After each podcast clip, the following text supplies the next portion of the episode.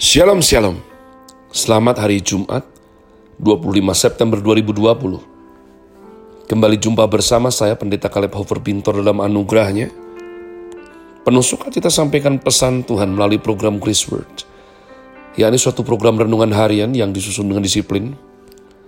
Kami doakan dengan setia supaya makin dalam kita beroleh pengertian mengenai iman pengharapan dan kasih yang terkandung dalam Kristus Yesus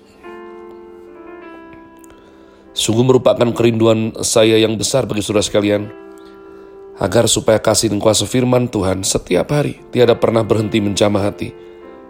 Menggarap pola pikir kita terutama hidup kita boleh terbukti makin berubah menuju Christ likeness, keserupaan kepada Kristus Yesus.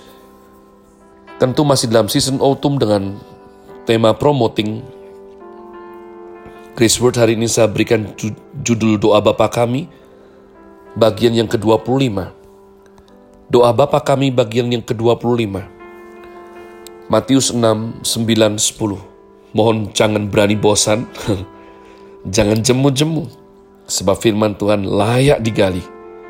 Ya, engkau akan temukan sumber air kehidupan lebih lagi, emas tua yang murni lebih lagi, madu yang terbaik.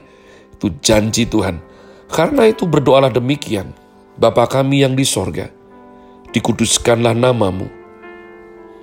Datanglah kerajaanmu, jadilah kehendakmu. Di bumi seperti di sorga.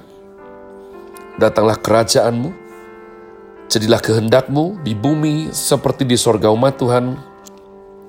Kemarin sudah kita bahas tidak ada satu kerajaan di muka bumi ini yang tidak hancur.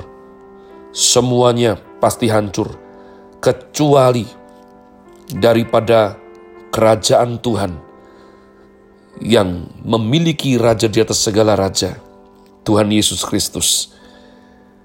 Pada saat sadar bahwa dia tidak mempunyai keturunan yang mumpuni, keturunan yang bisa menggantikan dia dengan pantas, maka Alexander the Great, Alexander yang agung, berkata, Aku mengaku kalah, bahwa sebentar lagi kerajaan yang berhasil kutegakkan ini akan dikalahkan oleh anak tukang kayu dari Nasaret itu, yang rupa-rupanya kerajaannya melintasi zaman demi zaman dan tidak pudar sampai hari ini.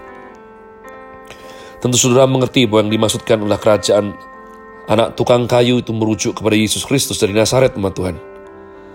Ketika akhirnya Niniwe dihancurkan, Babilonia, Mesir, Mesopotamia, Asyur, bahkan Romawi. Kau harus mengerti umat Tuhan. Ada kerajaan yang tidak tergoncangkan, yang diberikan dengan penuh kemurahan hati oleh Sang Raja kepadamu dan kepadaku. Maka inilah mandat atau amanat agung yang sangat penting yang diemban oleh gereja Tuhan yang benar. Ya, kita ke mana sudah membahas mengenai Amerika, bagaimana dia terpuruk, dihantam Twin Tower dalam di New York, dan rugi puluhan miliar dolar. Sehingga dia tidak bisa fokus untuk menggarap daripada Tiongkok, dan akibatnya ekonomi Tiongkok tidak bisa dibendung lagi. Nah umat Tuhan, bagaimana dengan Rusia? Dulu pada waktu saya bertumbuh, SMP, ya SD, SMP, itu terus dengernya itu Amerika, Uni Soviet, Amerika, Uni Soviet, Amerika, Uni Soviet. Sekarang Uni Soviet sudah bubar, tapi Rusia masih ada. Rusia dari dulu adalah negara agrikultural yang berpusat di Kremlin, dengan Tsar menjadi kaisar yang menguasai hidup mati Rusia. Sedang gereja Russian Ortodok didirikan sekitar 1020 tahun yang lalu ketika misionaris masuk ke Kiev. Ya, tapi kalau saudara pelajari pada seribu tahun Injil masuk ke Rusia, maka mayoritas mereka itu adalah Kristen Ortodok. Namun sayangnya, sayangnya umat Tuhan, Iman Kristen mereka itu tahayul. Teologinya kacau balau.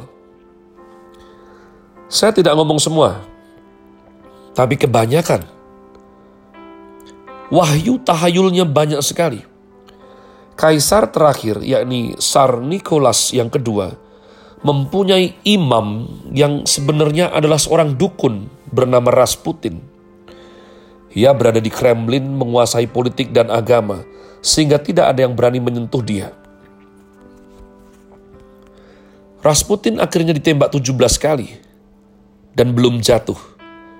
Ia berjalan terus, dikarenakan ada kuasa setan dalam dirinya.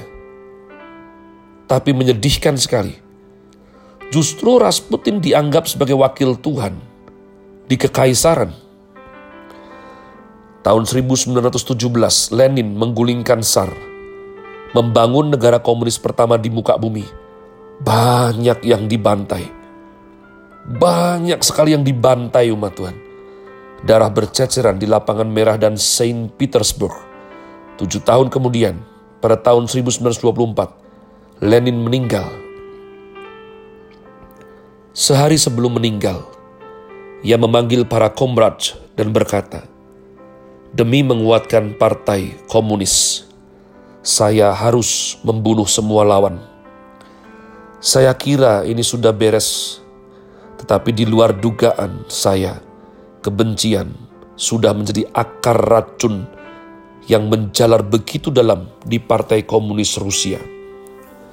Sampai hari ini, akar kebencian yang begitu pahit itu makin meluas dan tidak ada yang bisa mengendalikannya.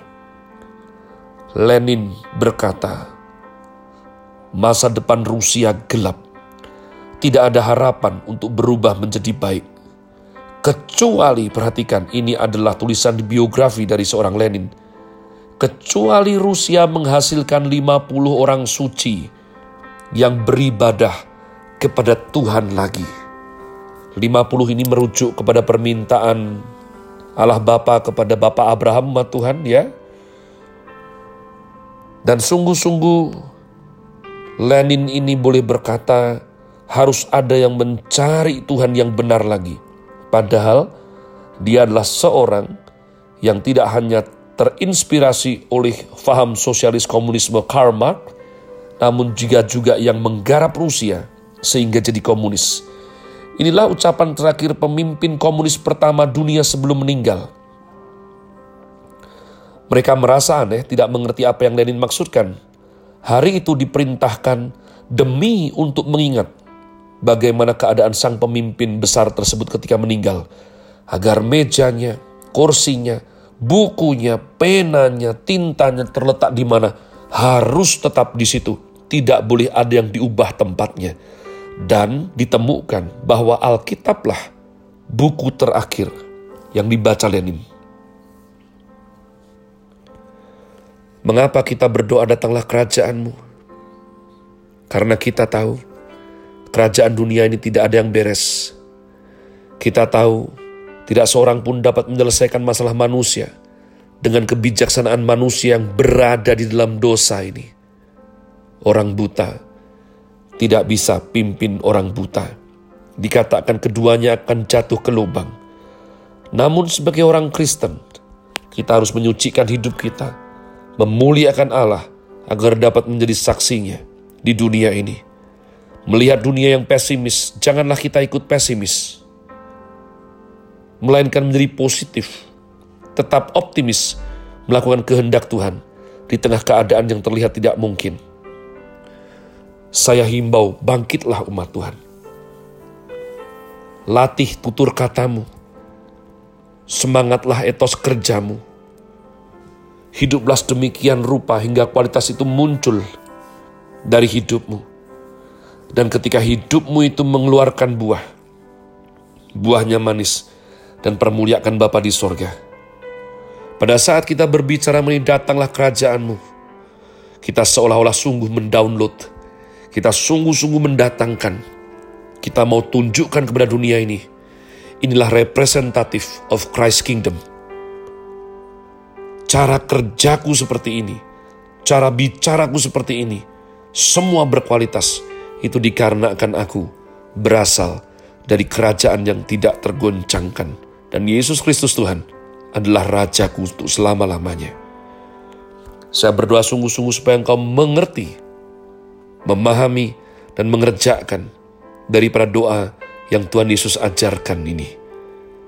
Datanglah kerajaanmu, jadilah kehendakmu. Hidup kami memang masih di muka bumi, tapi seperti di sorga. Have a nice day. Tuhan Yesus memberkati saudara sekalian.